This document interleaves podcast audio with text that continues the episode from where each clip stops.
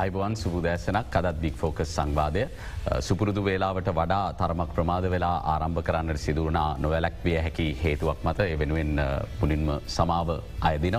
අද අපි රටේ ආර්ථිකය ගැන කතා කරන්නට සූදානමි සිටින්න අපි ඒ දිනේදීත් අද දෙරන ප්‍රධාන ප්‍රෘති ප්‍රකාශයන් තුළින් ඔබට තොරතුරු වාර්තා කලා පාරිභෝගිකින්ගේ අදහස් පිළිබඳව. උද්ධමන ඉලක්කම් පහතයමින් තිබෙනවා පොලි අනුපාත අඩුවමින් තිබෙනවා. නමුත් ජනතාවගේ පසුම්බියට මේ ඉලක්කම්වලින් පෙන්නන ආර්ථික ස්ථාවරත්වයේ ප්‍රතිලාබ ප්‍රමාණවත් අයුරින් දැනන්නට පටන් අරන්තියනවාද. උද්ධමන ඉලක්කම පහත වැටුණු පමණින් බඩුමිල අඩුවීමක් අපේක්ෂා කරන්න බෑ තාක්ෂණිකව නමුත් ඒත් එක්කම පසුගේ කාලේ බලශක්ති මිල ගණන් අඩුවීම විශේෂම ඩීසල් පෙට්‍රල් මිල ගණන් අඩුවීම මේ සියල් අරම් බැලුවට පස්සේ පාරිභෝගිකයාගේ පැත්තෙන් ප්‍රමාණවත් සහනයක් ලැබිලා තියෙනද ඒ වෙනුවෙන් ප්‍රමාණවත් මැදිහත්වීමක් රජය ඇතුළු වෙළඳපොල පාර්ශව විසින් සිදුකරමින් සිරිනාද මේ ගැන අද කතා කරන්න සූදානමි සිරින්නේ කොළඹ විශ්වවිද්‍යාලය ආර්ථික විද්‍යාධ්‍යනාංශය මහචාරය ප්‍රියංග දුනු සිංහ මහත්මයට ඇරයම් කළේ අයිවන් කියල මහචරතුම පිළිගන්න අයිබෝන්. මඹ පූර්විකාව ගත්ත තැරිම ඔබතුමාට ප්‍රශ්නයක් විදියට එන්නම්. මේ ජනතාවට ලැබිලා තියෙන ප්‍රතිලාබ ප්‍රමාණවත්ද? ඉලක්කම් එක්ක බලද්‍යයක්. මම හිතන්නේ පැහැදිලිුවම ප්‍රමාණවත් නෑ ඒක මංහිතන්නේ ඉතා පැහැදිලුව ප්‍රකාශ කළ හැකි. ඒ ඊට අදාළව අපිට පේනවා මේ අවස්ථාව වෙන විට විශේෂයෙන්ම පොලි අනුපාත අඩු කිරීමට අදාළව මේ වන විට මහ බැංකු අධිපතිවරයා අදාළ අපි කියන්නේ නිර්දේශයන් හෙමත් නැන්නම් අදාළ උපදෙස් ලබාදීම් සිදු කරලා තියෙන විශේෂයම වානිජ බැංකුවලට බැංකු සංගමයටත් බැංකු සංගමයට ලිපියක් මගින් දන්වා තියෙනවා.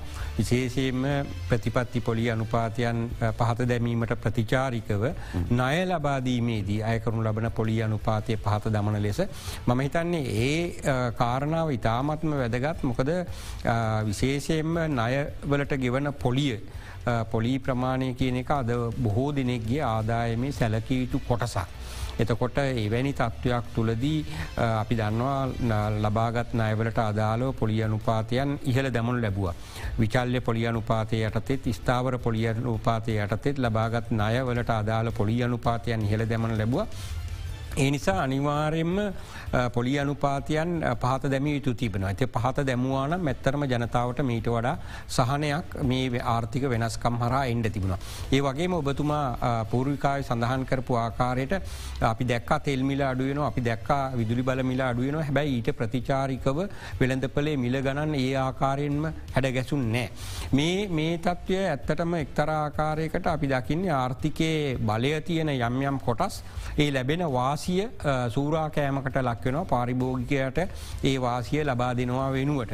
මේ මේකම තමයි ඇත්තටම හේතුවෙන්නේ පාරිභෝක ජනතාවට මහජනතාවට මේ පෞද්ගලික අන්සේ කොතෙක් දුරට තරඟකාරීව වෙළදපල තුළ කටයුතු කරනවාද. පාරිභෝගික සුභසාධනයට කටයුතු කරනවාද කියන එක සම්බන්ධයෙන් ප්‍රශ්න කරන්න. අර අපි කියන සාර්ව මට්ට මේ පෞද්ගලීකරණය පිළිබඳව වනත් තියෙන ප්‍රධාන විරෝධතාව ගොඩනැගෙන්නේ ලංකාවේ පෞද්ගලිකාන්සේ අපි කියන වගකී වගකීමක් සහිතව රිස්පොන්සිබල් ප්‍රයිවට් සෙක්ට එකක් විදිට නෑ. කටයුතු කරන්නේ නෑ. මේ ආර්ථික අර්බුද්ධය ඇත්තටම භාවිතයට ගැනු ලැබුව. මුල් අවස්ථාවිදි ඉතා වේගෙන් මිල ගණන් ඉහළ දමන්ඩ විශේෂයෙන්ම ඩොලරය අවප්‍රමාණය වීම පිළිබඳ පැහැදිලි කරලා එම නැත්දම් පෙට්‍රල් ඩීසල් මිල ඉහල දැමීම පදනම් කරගෙන විශාල විදිහට මිල ගණන් ඉහළ දැමනු ලැබුව. අනිත් පැත්තෙන් මිල ගණන් පහල එන අවස්ථාවේදී ඒ මිල ගණන් පහතට හෙලන්නේ නැතුව එහි එහි වාසියත් ඔහුන් වසින් තවදුරටත් ග්‍රහණය කරමගින්මින් ඉන්නවා. මම හිතන්න වෙළඳ අමාත්‍යන්ස අමාත්‍යන්සය හරහා මීට අදාළ මැදිහත්වීම ප්‍රමාණවත්නය අපි දැක්ක දැම් පොලි අනුපාතය පල්ලෙ හදාන්න නැතුවන හම වානිජ බැංකු මහ බැංකු අධිපතිවරයා මහ බැංකුව ඉතා දැඩි පියවරක් ගත්තා. මේ වන විට දැඩි පියවරක් අරගෙන තියෙනවා. ඒ අදාළ අන්සයන් ඒ කටයුත්ත අනිවාරයෙන් කළ යුතුයි කියන ස්ථාවරයට. නැත්තම් පරිපාලනමය පීවර ගන්නවා කිය පැදිලියම නැත්නම් පරිපාලන පියවර ගන්න විශේෂ අපි දන්නවා මහ බැංකුවට විශේෂම බැංකුව හා මූල්‍ය අන්සය නියාමනයට හා මඟ පෙන්වීමට අවශ්‍ය තරම් උපකරන තියෙනවා. එතොට ඒ උපකරණ භාවිතයට ගැනීමට ඉඩ ප්‍රස්ථා ඇති නොවෙන ආකාරයට අපි බලාපොරොත්තුවන වෙළඳපල පොලි අනුපාත පහත එනන්න මහ බැංකොට හැකව තියෙනද මහචරතුමනි අපි කියන පොලි අනුපාත සඳහා උපරීමයක් කැප් එකක් දාන්න. මහබැංකුවට හැකියාවක් තියෙනවා යම් යම් අන්සවලට අපි දැක්කා කැප් එකක් දාලා තියෙන අවස්ථා විශේෂෙන්ම සුළුහා මධ්‍ය පරිමාර කර්මාන්තකරුවන්ට නෑ ලබාදීමේදී අනිත් පැත්තෙන් විශේෂයෙන් කෘෂිකර්මාන්තයට නෑ ලබාදීමේදී අපනයන අන්සවලට නෑ ලබාදීමේදී යම් යම් අවස්ථාවලදී ලංකාවේ උපරිම පොලි අනුපාත තීරණය කරපු අවස්ථා නැතුවා නොවේ. නමුත් මංහිතන්නේ නෑ මහබැංකු එතෙන්ටයයි කියලා. මහබැංකු ඒ වෙනුවට විශේෂයම වෙළඳපල හරහා යම් යම් පියවර ගැනීමට ඉදිරිපත් වේවි එය වෙළඳපල විකෘතිතා අවමෝන ආකාරයට. මමාර මුලින් සඳහන් කරපු කාරණාවට නැවත ගියොත් ඇත්තරම වෙළඳ වෙළඳ අමාත්‍යන්සේ මැදිහත්වීම ප්‍රමාණවත් නෑ. මේ බිත්තරයක් අල්ලගෙන එහම නැන්නම් තවමනෝ හරි බාණ්ඩයක් අල්ලගෙන මේ ඒ ඒ බාණ්ඩය ආනයනය කරලා පාරිභෝග ජනතාවට ලබාදීම හෝ ඒ බාණ්ඩේ මිල මේ උපරිමයක් පවත්වාගෙනයම නෙමේ වෙළඳ අමාත්‍යන්සයෙන් හා පාරිභෝග කටයුතු අධිකාරයෙන් බලාපොරොත්තුවෙන්නේ. ඊට වඩා වූ පුළුල් මැදිහත්වීමක් ඒ මැදිහත්වීම කිරීම සඳහා නීති රීති පවතින නීති රීති අල් පැනගෙහිල්ලනම් ඒවයි අඩුපාඩු තියෙනවන දැ ඕන තරන් කාලයක් තිබුණා ඒ නීති යාවත්කාලීන කරලා ඒ අවශ්‍ය පියවර ගණ්ඩ. දැ මේ මේ මිලගන වෙළඳපල වෙළඳපල තුළ පාරිභෝගිකයා සූරාකෑමට ලක්වෙන්නේ පහුගේ අවුරුදු දෙක තුන තුළ ඉතා ප්‍රබල විදිහට අපි දැක්ක. විශේෂෙන් ආර්ථික අර්බුදයක්ත්තේ එහෙමනම් ඒවායි කටයුතු කර නිලධාරීන්ට වගකීමත් තියෙනවා ඒවායේ තියෙන අඩුපාඩු මොනවද කියලා හඳුනාගෙන ඒ සඳහා නීතිරීති යාවත් කාලීන කරන්න. ඒ සඳහා අවශ්‍ය පියවර ගණ්ඩ. ඒකට තමයි වෙළඳ අමාත්‍යන්සයකින්න වෙළඳ ඇමතිවරයකින්නේ. ඊට අදාල තව අනුබද්ධ ආයතන පවතින. සෑම විටම අපිට හන්ඩ තියෙන දේ තමයි හුඟක් වෙලාවට එකම කරන එකම කාර්ය තමයි බාණ්ඩ මිල බාණ්ඩ වර්ග තුනක මිල සතොසේ අඩු කරනවා. ද සතොසේ බාණ්ඩ මිල තුනක් අඩු කරලා මොකක්ද කරන්න පුළුව මේ රටේ සාමාන්‍ය මිනිසුන්ගේ මුහුණ දෙන මිලට බලපෑම කරන්න පුළුව මානවත් කොටසක් සතුසට නැහැන කර පැහැදිලුවම ප්‍රමාණුවස් කොටසක් සතොටසට නෑ ඇත්ත කතාව කිවොත් බොහෝවිට සතොසට ගියාට පසේ සතොසෙත් බඩු නෑ ඕකන ඇත්ත කතාව. එතවට සලාග ක්‍රමයට නෙද ඒක සලා ක්‍රමයට දෙන්න. අනිත් එක තමයි බොහෝවිට ඒවා ක්‍රියාත්මක වෙන්නේ අර රජයේ අනෙත් හුදු ආයතන ක්‍රියාත්මකන ආකාරයට පාරිභෝකය ගිහිල්ල බඩු ඒ බාණ්ඩ හොයාගෙන නික හරි මහන්සියක් දරලා තමයි ඒ බාණ්ඩටි අරගනයන මට්ටවට පත්වෙලා තින. ඉති මේ නිසා මම හිතන්නේ අවමෝසයෙන් දැන්වත්. පාරිභෝග සේවා කටයුතු අධිකාරිය ක්‍රියාත්මක කළ යුතුයි ලෝකයේ අනෙත් රටවල්වල මොන වගේ ක්‍රියාමාර්ගද ගන්න වෙළඳපල තුළ පාරිභුගයා සූරාකෑම වැලැක්වීමට අදාළ පියවර අරගෙන තියෙන මොනවාද. රටේ තියෙන නීති අපි සියලුම දෙනා දන්නවා පොදුවේ මේ නීති විශාල කාලයක් තිස්සේ යාවත් කාලීන වෙලා නෑ. මිනිසා විශේෂයම නීතිය ක්‍රියාත්මක කිරීමට යෑමේදී විශාල බාධාවන්තින ඒකන ඒ අවස්ථාවකද පොල්ගෙඩිය අර කිරලා වට ප්‍රමාණය මැනලා මැනීමේ අවශ්‍යතාවයකුත්තාවේ ඒගැන නීතිමය කටයුතු කරන අවස්ථාවලදී ඒවැනි නිච් නිශ්චිතවීම් අවශ්‍ය වෙනවා. ඉති ඒ නිසා අවශ්‍ය වෙන්නේ මේ පියවර ගැනීම සඳහා අවශ්‍ය යාන්ත්‍රණය සකස් කරන්න ඕන.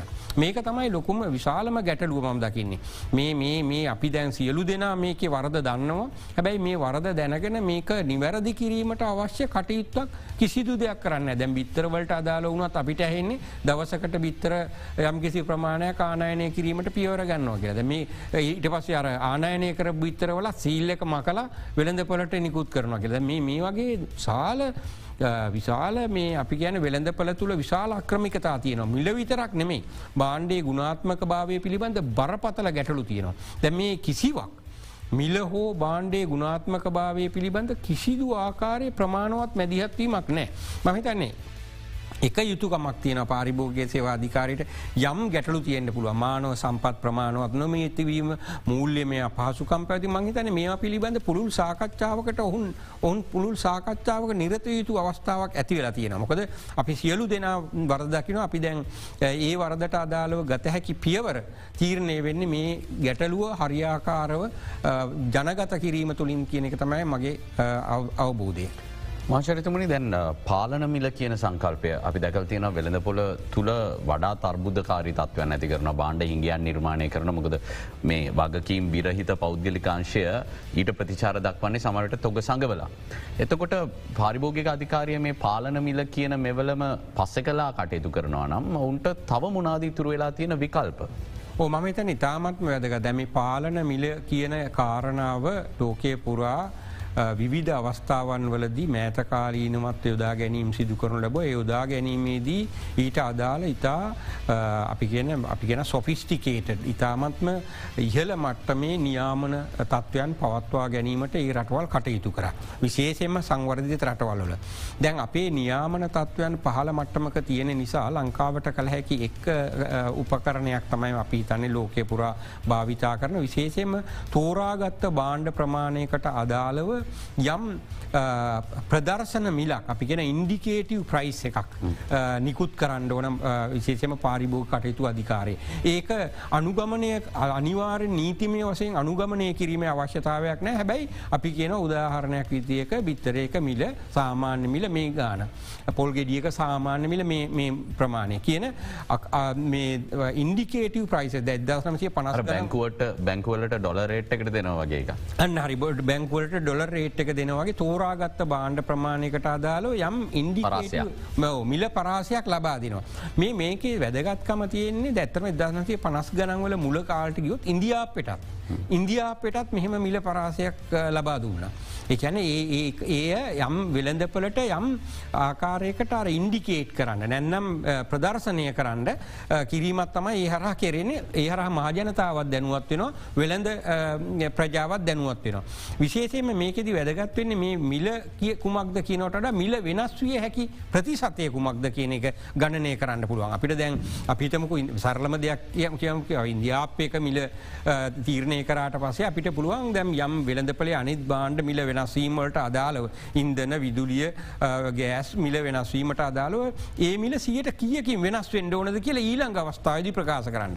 එතකොට වෙළෙන්දුන්ට වැඩි කරන්න පුළුවන් වෙන්න මිල දැන් අපි කියනවනද ගෑස් මිල්ල රුපියල් දෙසියකින් වැඩ්නහම හෙට උදේ නවස් කරනවා මේ අපන සාලා හිමියන්ගේ සංගමය තේකෝප එක මිල රුපියල් දහැගියට ඒක මිල රුපියල් ඉසිංගිය කියලා. අන්නේකට තියෙන ඉඩ ප්‍රස්ථා අවම කරන්න පුළුවන් වෙළඳ අමාත්‍යන්සට කියන්න පුළුවන් මේ අටතේ මිල ඉහල යන්න පුළුවන් මෙන්න මේ ප්‍රමාණය පමණයි. සාධාරණ සාධාරණ එත එහින්ද මේ ගොඩනගන මිල නෙමේ. මිල වෙනස්වීම පිළිබඳ නිවැරදි ඩිරෙක්ෂන් එකක් නැත්නම් නිවැරදි දිසානතියක් ලබාදීමේ හැකියා ඇතිවෙන එවැනි ක්‍රමවේද හර.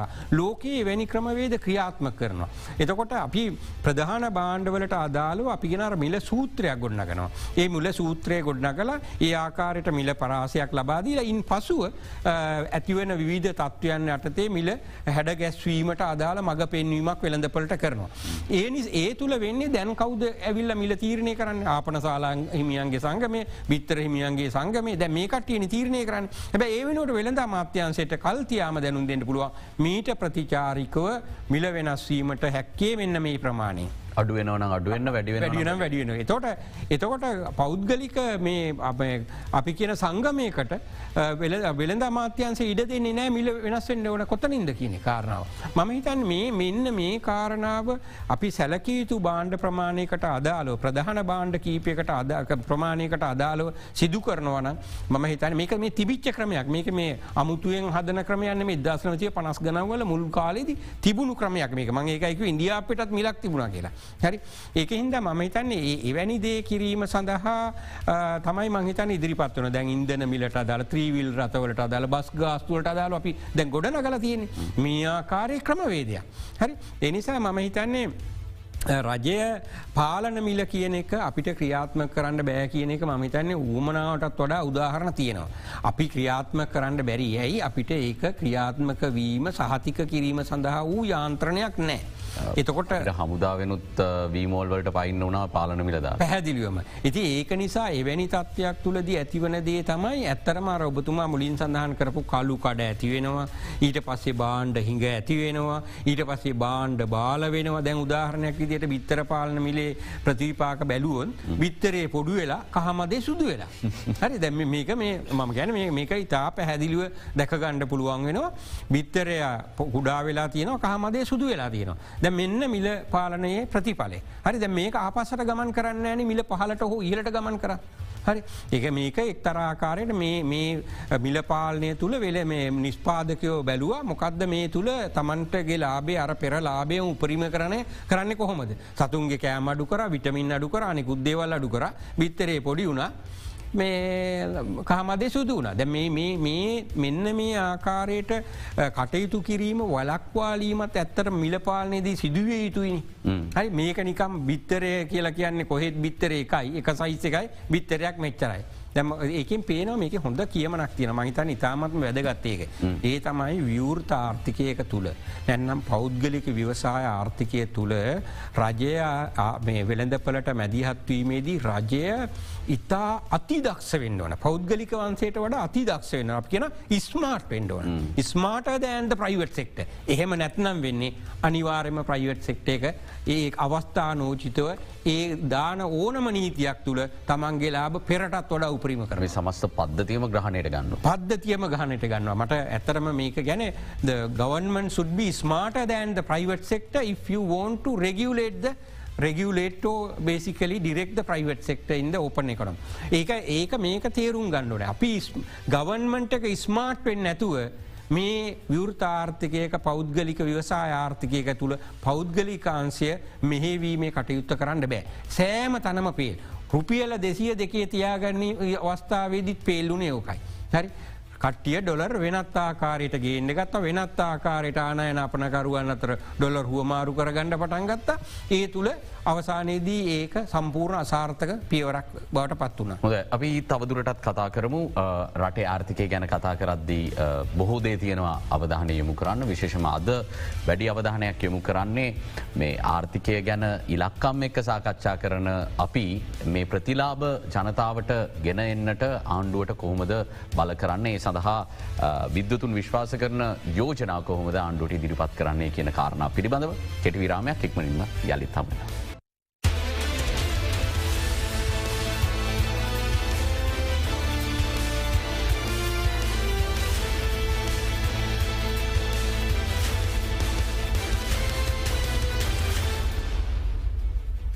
මහාචාරය ප්‍රියංග දුනුසිංහ මහත්මයත් එක් අද වික් ෆෝකස් සංවාධය අපි රැඳී සිටින අපි පාරිභෝගිකයින්ට ලැබෙන සහනය ප්‍රමාණවද්ද කියන කාරණා පිළිබඳව අවධාන යොමු කලා විරාමයට කලින්. මහචරිතුමනි මෙවැනි වගකීම් විරහිත පෞද්ගලිකාංශයක් ක්‍රියාත්මක වෙන රටක පාරිභෝගිකයාගේ වගකීම මොන වගේ වෙන්න ඕ නෙදමකද වෙළඳ පොල පාලනය කිරීමේදී ඒ වෙනද කටයුතුවල නිරත පෞද්ගලිකාංශයට වගේ පාරිභෝගිකයටත් භූමිකාවක් තියනවා. තොට යම්කිසි ආකාරයක අසාධාරණ මිල ගණන් හමුවේ පාරිභෝගිකයා කොහොමද තමන්ගේ බලපෑමෙල්ල කරන්නට පුළුවන්. හෝ මම හිතන්න ඉතාමත්ම වැදගත් ප්‍රශ්නයක් ඇතරම පාරිභෝගිකයා තමන්ගේ ප්‍රතිචාරය දක්වනව නම් ඒ සඳහා සංවිධාන ගතවීම ඉතාමත්ම වැදගත්.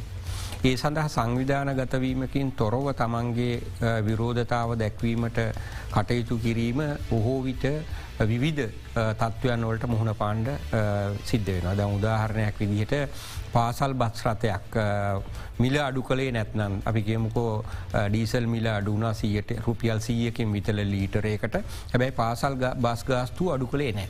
එතකොට දැ මේකෙදී මොකක්ද පාරිභෝගයට තියෙන හැකියාව දැම් පාරිභෝගයට තියෙන එක හැකියාවතම මේ සඳහා මිල අඩු කරන ලෙස ඉල්ලීම් කිරීම. දැ ඉල්ලීම් කරන අවස්ථාවලදී බොහෝ විට බස්රත හිමියන් පාසල් බස්රත හිමියන් කියන්නේ අනිත් කට්ටිය කවරුවත් අඩු කරලනෑ සංගමය අඩු කිරීමට තීරණයක් කර කරලන එහින්ද අපි අඩු කරන්න. ඇතර පාරිභෝගයට මොකක්ද කරන්න පුළුවන්. පාරිභෝගය කරන්න පුළුවන් බොහෝ විට ඔහුන් යෝජනා කරනවා කැමති නැත්නම් ළමයි වන්ඩ එපා මේ වෑන් රතය කියලා. එතෝට සිද්ධ වෙන්නේ අනිවාරෙන්ම තමන්ගේ ළමයි ඒ වෑන් රතය යවන්න ඇතුව පාරි සාමාන්‍ය බස් රතවල ගමන් කිරීම සැලස්වීමට දැ මේ වගේ අසරණ බීම්වලට තමයි ඇත්තරම බොහෝවිට මුහුණ පාන්න සිද්ධෙන් මේ මම කියපු කාරණ ඇත්ත කතාවක් හරි අවසානයේදී ළමයි තම වෑන් රතේ නිවත් කරලා පාරි බස් එකේ යවන තත්ත්වයට පත් වෙලා තියෙනවා. එනිසා මම කියන්නේ පාරිභෝගයට අයිතියක් තියෙනවා මේ අසාධාරණකම් පිළිබඳ කතා කරන්න හැබැයි තනි තනි පාරිභෝගයා මේ කටයුත්ත කිරීමේදී ඉතාමත්ම අසරණ වෙනවා. ඒ සඳහා කළ හැකි විකල්පය වෙන්න ඇතරම පාරිභෝක අයිතීන් පිළිබඳ විවිධ සංවිධාන ඇති කරන්න. හැබැයි ඒ සංවිධාන වනත් අපි දන්නවා පුළුල් ජාලයක් මත ක්‍රියාත්මකවෙන් නැති තත්ත්වයක් තුළදී ඒවායේ ශක්තිය ඉතාමත් දො දුරෝල මට්ටමක පවතින. අපි සියලුම දෙනා පාරිභෝග්‍ය වුණත් අපි ඇත්තරම සංවිධාන ගත වෙලා නෑ පාරිභෝග්‍ය විදිහට ඒ විදිහට අපිට ඒ වෙනුවට අපිට තියෙන නිස්පාදකයෝ විදිහට තමයි ඇත්තරම වෙළඳපල තුළ සංවිධාන ගත වෙලා තියෙන. අනිත් පැත්තෙන් පාරිභෝගයන්ද රජයට මේ පිළිබඳ වෙළඳ අමාත්‍යන්සිට පාරිභෝග කටයුතු අධිකාරයට පැමිණිලි කරත් ඇත්තටම ඒ හරහා ඔහුන්ට ලැබෙන සහනයක් නෑ මේක තම ඇත්ත කතාව. ඉති ඒ නිසා තමයි ඇත්තරම වෙළඳපල යාන්ත්‍රණය තුළ පාරිභෝක සේවා කටයුතු අධිකාරිය කියලා ආයතනයක් පිහිටවල තියෙන්නේ පාරිභෝගිකයෝ ඒකරාසීවීම කියන කාරණාව සිදුවීම ඉතාමත්ම මන්දගාමි විදිහට එම නැන එවැනි ආයතනක වූයන් දුරුවල මට්ටමක පැවතීම. එනිසා තමයි මහජනතාව වෙනුවෙන් තමයි රජය මේ ආයතන පිහිටවල තියෙන්නේ. එතර මහජනතාවගේ මේක නියෝජනය කරන්න ඇත්තරම පාරිභෝග කටයුතු අධිකාරිය. වෙළඳ අමාත්‍යන්සේ. එතකොට අපිට පාරිභෝග්‍ය විදියට තවත් දුරට සංවිධාන ගතවීමේ මහිතන්න විශාල අවශ්‍යතාවයක් තියෙනව කියලා සැබේ වෙළඳ පොලේ සෑම පාර්සවයක්ම. ඒ වෙනුවට මහජනතාව පත් කරලා තියෙන නියෝජිතයෝ මේ අමාත්‍යන්සවල ඉන්නවා ඒ ඔවුන්ගේ අනුදැනුමේ යටතේ මේ අධිකාරි ක්‍රියාත්මක වෙනවා. එනිසා මහජනතාව වෙනුවෙන් ඔහුන්ගේ යුතුකම වෙන්නේ වෙළඳ අමාත්‍යන්සේ හා පරිභෝග කටයුතු අධිකාරයේ යුතුකම වෙන්නේ ඒ පාරිභෝගිකයාගේ පාරිභෝගය ආරක්ෂා කිරීම. පාරිභෝගය ආරක්ෂා කිරීම පාරිභෝගය තරනම නිස්පාදකයත් ආරක්ෂා කිරීම. ඉති මේ මේ කටයුත්ත වෙනුවට අද වෙන්නේ පාරිභෝග්‍ය ආරක්ෂා කරන කටයුත්ත තුළ අන්ත අසරණ වෙලා තියෙන මන්දැක්ක සමහර කාටුන් පවා අද දිනේ දැක්ක අන්ත අසරණ භාවට පත් වෙලා තියෙනවා.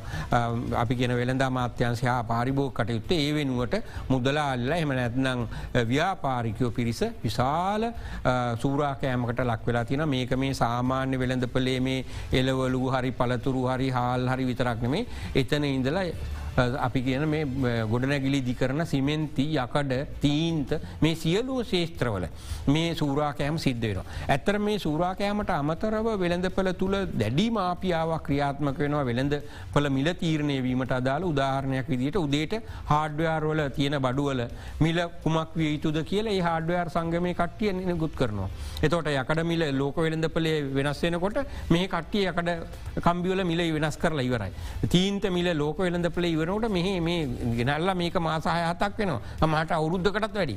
හැබැයි මේ දෛනිකෝ මිල හසුරෝනෝ එක තැනකින්. මේක හාඩ්වාර්වලට අදාළව බිකරි නිස්පාදනයවලට අදාළව අනිකුත් සියලූම තොග බාණ්ඩ වලට අදාලෝ සිද්ධ වෙන කාරණ. මේ විදිහට ඒකෙන් පේනවා ඇත්තටම අපි ගෙන මේ වෙළඳපල ආර්ථිකයේ ප්‍රධාන මූලධර්මය තමයි වෙළඳ වෙළඳුන් නැත්නම් නිස්පාදකින් තනි තනිව කටයුතු කිරීම තුළ තරඟකාරීත්වය තුළ බාණ්ඩයේ මිල එහි නියම අගේට නැන්නම් සාධාරණ අගේකට පැමිණීම බාණ්ඩේ ගුණාත්මක භාව වැඩියෙනවා කියලා අදමොකද වෙන්නේ බාණ්ඩේ මිල ඉහල යනවා ගුණාත්මක භාවය පල්ලහැනවා. හරි? බාණ්ඩේ මිල ඉහල යනවා ගුණාත්මක භාවය පල්ල හැනවා මේක තමයි අද සිදුවමින් තති මේකට ප්‍රධානම හේතුව මම දකින්නේ එකමදේ පාරිභෝගිකයෝ කොතරම් උත්සාහ කරත් ඒ පාරිභෝගිකයන් ආරක්ෂා කිරීමට අදාලෝ පිණී සිටින අමාත්‍යන්සය වූ ඒ ආයතන ඔහුන්ගේ රාජකාරිය ඒ අපි බලාපොරොත්තු වෙන මට්ටමෙන් සිද්ධවීමක් වෙන නෑ. ඒකට අඩුපාඩු තියෙන්න්න පුළුවන්. නීතිමය බාධ තියෙන්න්න පුළුවන් පිරිස් බලය නැතිවෙන්න පුළුවන් අනිත් පැත්තෙන් අවශ්‍ය මූල සම්පත්න මැතිවෙන්න පුළුවන්. ඉති ඒ එහෙම දැන් ඔබතුමා යෝජන කරවගේ යම්කිසි මාර්ගෝපදේශන මිලක් නියම කරන්නගේ පිරිස් බලය බාධාවක් කෙන්නේ නැහැ හැදිලම පිරිස් බල මේ බාධාවක් නෑ. පිට හිතන්න ඇති ප්‍රශ්තිය ම හිතන්න වඩා වැඩිපුරම තියෙන්නේ ඒ ගැටලුව. වැඩිපුරම තියන්නේ ගැට හුඟක් වෙලාවට ආර්ථික හෝ ඒ අපි ගැන පාරිභෝගික දැන් ආර්ථික විද්‍යාව තුළ පාරිභෝගික සුභසාධනය සමාජ සුභසාධනය තරඟකාරී මිල වෙළඳපල ව්‍යූහයන් විශ්ලේෂණය කිරීම ප්‍රමුඛතම කාර්යභාරයක්. ඕනම බාණ්ඩයකට අදාල අපිට පුළුවන් මොකක්ද මේක වෙළඳපල ව්‍යූහය. තරඟකාරීද? ඒකාධිකාරීද? ඒකාධිකාරී තරගයක්ද කතිපයාධිකාරියක්ද ඒ අනුව මේ තුළ තරඟකරුවන් මොන කුමනාකාරය කටයුතුවලට පෙළඹෙනවාද. තරඟකාරියෝ මිල මිල නියම කිරීම් කරනවාද? එහෙම නැත්නම් නම් තවගෙනෙක්ගේ මිලක් දාලා විශේෂම ඉන්ඩස්ටියකේ අපිගෙන ලීඩගේ නායකයාගේ මිල පලෝ කරනවා දනික්කට එහෙම නැන්නම් තුන් දෙනෙක් විතර එකතු වෙලා මිල තීරණය කරනවාද? දැම් මේ මේ තත්ත්වය ලෝ ම කියන මේ සිල්දර බාණ්ඩ තොග බාණ්ඩ විල්තරටන්නෙමේ උදාහරණයක් විදිට සිපින් චාජස් තීරණය කරනකොට. ලොජිස්ටික් චාජස් තීරණය කරනකොටත් මේ මේ කාටල් එක වැඩ කරනවා. ඒ ඇන කීප දෙනෙක් එකතු වෙලා මිල තීරණ කර අනිකට්ටිය පලෝ කරනවා. දැ එනිසා මම හිතන්නේ අරොබතුමාකවාගේ සමහර දේවල් කරන්න අත්‍යවශ්‍යයෙන්ම පිරිස් බලය මූල්‍ය සක්තිය ඒ අවශ්‍ය වෙන්නේ නෑ ඊට වඩා අවශ්‍ය වෙන්නේ මේ මේ මාර්තිංකින් පැහැදිලි විතර තමයි මං ගැන ප්‍රධානම තත්වය තියෙන එක අපිට බෑ ස්මාට දෑන් වෙන්ඩ ගැන අපිට බෑ පෞද්ගලිකන්සේට වඩා ස්මාර්ට් වෙන්ඩ. ඉති රාජ්‍යන්සේ ස්මාර්ට් නොවෙන තාක්වල් පෞද්ගලිකන්සේට ඕක තුළ ඔයාගණඩ පුළුවන් හිල්දාහක් හැංගිලයන්ට රිංගලයන්ට.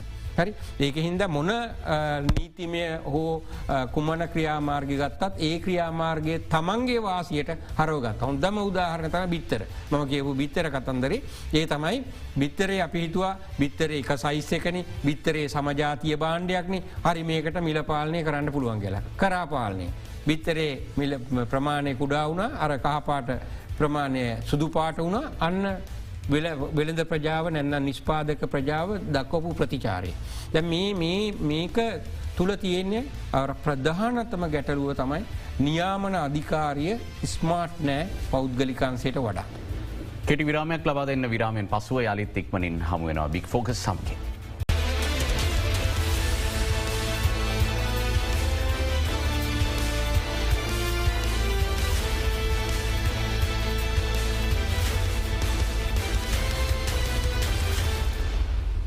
යළිත් බික් ෆෝකස් මහචරිතුමනි අවසන් වශයෙන් අපිට මිනිත්තු කිහිපෑ තියෙන්නේ නමුත් පාර්ලිමේන්තුවේ සම්මත වෙච්ච මහබැංකු පනත සහ ඒ හරහා ශ්‍රී ලංකාවේ ආර්ථිකය ස්ථාවර කිරීමේදී ඇතිවන බලපෑම් පිළිබඳව යම් කිසි අදහසක් දැනගන්න කැමති ඔබේ. ඔමමිතන්නේ අපි දන්නවා මහබැංකු පනත හරහා මූලික වසයම උත්සාහ කරනු ලැබුවේ මහබැංකුව ස්වාධීනව කටයුතු කරන්න විශේෂයෙන්ම ආර්ථිකට අදාල තීන්දු තීරණ ගැනීමේදී. මේක ඉතාමත්ම වැදගත්වෙන මක් නිසාද දැන්. පාර්ලිමේන්තුව අසමත් වෙලා තියෙන අවස්ථාවක මූල්‍ය විනය හරියාකාරෝ පවත්වගෙනයන්ට ඒ සඳහා අනිවාර්යෙන්ම උදව් අවශ්‍යයනවා මහ බැංකුවේ. එතොට මහ බැංකුව ස්වාධීන කිරීම හරහා ඉඩක් ලැබෙනවා විශේෂයෙන්ම අර අපි කියන රාජ්‍ය මූල්‍ය සම්බන්ධයෙන් විනය පවත්තගෙන ද ඒ විනය නොමැතිවීමනි දැන් විශාල ගැටලුකාරී තත්ත්වයකට බලපෑවි. මහබැංකුව අවසාන වසයෙන් මහබැංකුවේ යම් යම් ක්‍රියාමාර්ග විවිධ යම් යම් අධිපතිවරුන්ගේ යටතේ අර අපි කියන ගාක් දේශපාලනී කරණය වෙන පැත්තට ගිය. මේක ඉතිහාසේ මහබැංකුව රජයේ කොටසක් විදියට තිබුණට ඇත්තරම ඉතිහාසය තුළ අපි දැක්කෙනෑ අනු දෙදාහ විතර වෙනකං වරසය විතර වෙනකම් මේ දේශපාලන යාන්ත්‍රණයට අවශ්‍ය වෙන ආකාරයට විවිධාකාර කටයුතුල ඉන්න එකන්නේ ප්‍රකාශනිකුත් කිරීම වෙන්න පුළුවන් දත්තවලට අදාල යම් යම් තත්වයන් වෙන්න පුළුවන් වෙනත් කටයුතු වෙන්න පුළුවන්. ඒ වගේ දෙවලට මහබැංකු ඇත්තරම නිරත වුණේ නෑ. මහබැංකු ගක් දුරට අර වෘතීමය වෘතීමය මූලධර්ම ඉස්මතු වෙන ආකාරයට ඒ කටයුත්ත කරගෙන ගිය. පහුගිය කාලසීමාව තුළ පහුගිය දසක දෙක විතර බැලුවොත් ඇත්තටම විශාල දේශපාලනී කරණයක් වෘතීමය භාවයෙන් පහලට යෑමක් ගමන් කර විශේෂම අපි කියන මේ උඩම තනතුර. හරි මහබැංකව අනි නිලධාරන්නේ මේ පැහැදිලුවේ කියන්න ඕන. මහබැංකව අනිකුත් පුරිස්නේ මේ ඉහළම තනතුර. අධිපති තනතුර විශාල විදිහට අවභාවිතයක් සිද්ධ වුණා. දැ මේ අවභාවිතය දිගින් දිගටම අපි පවත්වාගෙනයන්ට උත්සාහකරු තේ තුළ අපි බලාපොරොත්තු වෙන මේ ආර්ථිකය නිවැරදිව ගමන් කිරීම සහතික කිරීම ඉතාමත්ම අමාරුවනවා. මෙන්න මේ තත්ත්වය තුළ තමයි මේ ස්වාධීන මහබැංකුව ස්වාධීනවීමේ අවශ්‍යතාව ඇතිවුණේ අපි බැලුවොත් ලෝකය තුළ මහබැංකුව ස්වාධීනවීම තුළ අත්කරගෙන තියෙන ජයග්‍රහණ මොනවද කියලා ඒ තුළ පැහැදිලිවම පේන එක ජයග්‍රහණයක් තමයි මිල ස්ථායි කරණය කියන කටයුත්ත සාර්ථකව පවත්වාගෙනයන්ට හේතු වෙලා තියෙනවා. එතකොට ඒ කටයුත්ත සාර්ථකව සිදු කිරීම කියන කාරණාව ඇත්තටම අපි කියන මේ යහපත් සාර්ව ආර්ථික පරිසරයක් ආර්ථිකය තුළ ඇති කරන්න හේතුවෙනවා ඒම සාර්ථක පරිසරය හේතුවෙනවා නව ආයෝජන අවස්ථාවන් වලට හා ආර්ථික සංවර්ධනයට හා වර්ධනයට. එනිසා මම හිතන්නේ මහැබැංකුව ස්වාධීන වීම කියන කාරණාව අත්‍යවශ්‍යංගයක් විදිර තමයි මම දකින්න මේ මේ තියෙන සන්දර්භය තුළ මේ සම්බන්ධයෙන් විවිධ තරක විතර්ක ඉදිරිපත් කළ කළත් අපිට හැකියාවක් නෑ. මේ දේශ විශේෂයෙන්ම මේ රජය මහබැංකුවට කරන මදිහත්වීම වලක්වීම සඳහා පියවර නොගැනි නොගත හොත් ඒ තුළ තවදුරටත් අපි මේ අද මුහුණ පාපු නැන්න මෑතක මුහුණ පාපු ආර්ථික අර්බුදය හා සමාන අර්බුදයන් වලට ලංකාව ගමන් කිරීමට තියෙන ඉඩකට වැඩි.